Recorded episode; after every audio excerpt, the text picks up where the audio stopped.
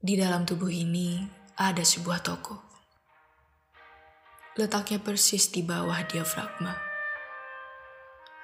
Toko itu bukanlah sebuah toko seperti sekarang. Buka 24 jam, sedikit pembeli yang datang. Tak ada pelanggan tetap. Terkadang tutup dengan alasan tak menentu. Mungkin sang mempunyai toko lelah tidak diketahui secara pasti mengapa toko itu tidak mempunyai pelanggan tetap. Berbagai macam kemungkinan bermunculan. Mulai dari barang dagangan yang tidak berkualitas, pelayanan yang kurang baik, atau mungkin harga yang ditawarkan terlalu mahal. Entahlah. Yang jelas, dahulu toko itu bukanlah sebuah toko seperti sekarang. Sebelum berubah menjadi toko, seseorang pernah menetap di bangunan itu beberapa tahun lamanya.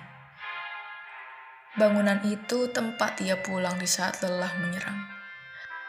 Tempat ia bermimpi, tempat ia mengutuk kesendirian, tempat ia menikmati kesengsaraan, tempat ia merasakan kegagalan dan kekecewaan. Sampai akhirnya ia tidak lagi betah menempati bangunan itu. Bangunan itu sempat lama kosong.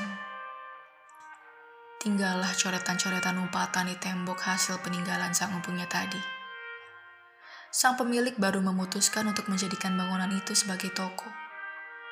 Tapi sayang, meskipun terkadang barang-barang di toko itu diobral gede-gedean, tetap saja tak ada pelanggan.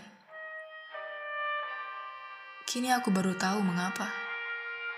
Coretan-coretan umpatan di tembok itu dibiarkan terpampang.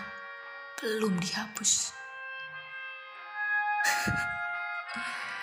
Pantas saja tak ada orang yang mau datang.